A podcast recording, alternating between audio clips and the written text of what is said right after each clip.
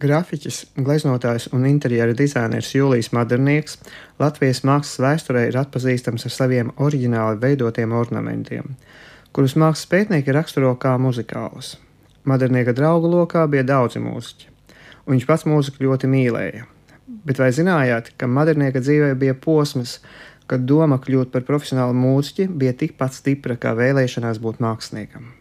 Jau bērnībā madinieka vide bija mūzikas ieskauta. Ģimenē tautas tradīcijas turēja godā, kas, starp citu, 19. gadsimta beigās nebija nemaz tik raksturīgi. Tolaik daudzas latviešu ģimenes centās iesakņoties vāciskajā kultūra telpā. Madernieka māte bija liela dziedātāja. Arī Madernieka tēvocis bija saistīts ar mūziku, ērģeļu būvi. Precīzāk, viņš veica ērģeļu uzstādīšanu. Līdzīgi kā gleznotāji Valdemārs Tone un Johans Valters, Madernieks esot spēlējis violi, Kopā ar komponistu Alfredu Kalniņu viņi bieži muzicēja dievkalpojumos. Cik tas ir bijis profesionāli, grūti spriest, taču modernieka draugi, komponisti Emīlis Melgālis un Arvīds Žilīnskis savās atmiņās min, ka modernieks to ir darījis samērā ciešami. Diez vai gan tik labi kā Johans Valters, kurš pēc emigrācijas uz Vāciju spēlēja violi pa Dresdenes operas orķestrī. Tomēr fakts paliek fakts.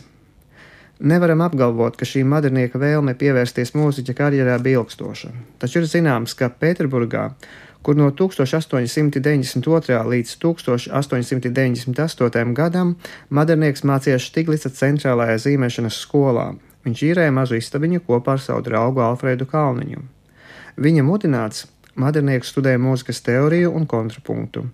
Čakli apmeklēja koncertus, darbojās latviešu mākslinieku pulciņā rūķis un pat mēģināja komponēt.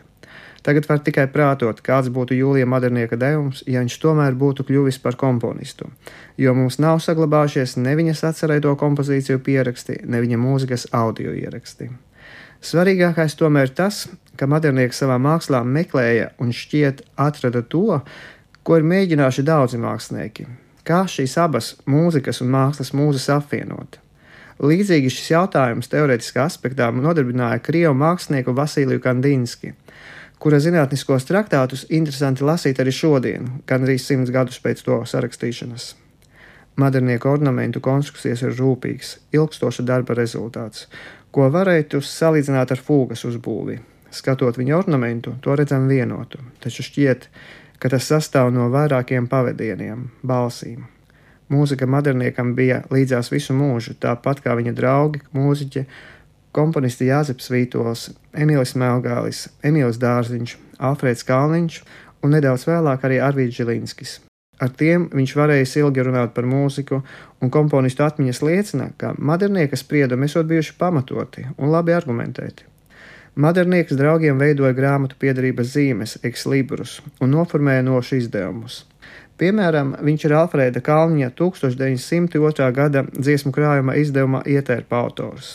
Savukārt Kalniņa veltījums draugam ir viens no zināmākajiem klavierdarbiem Latvijas mūzikā. Tā ir miniatūra rudens.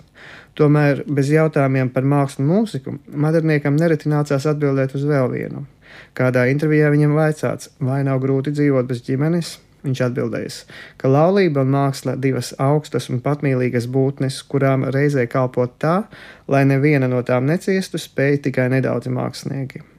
Madrinieka gadījumā māksla necieta, un viss pārējais - mūzika, saviesīgā dzīve un draugi - tikai veicināja tās attīstību.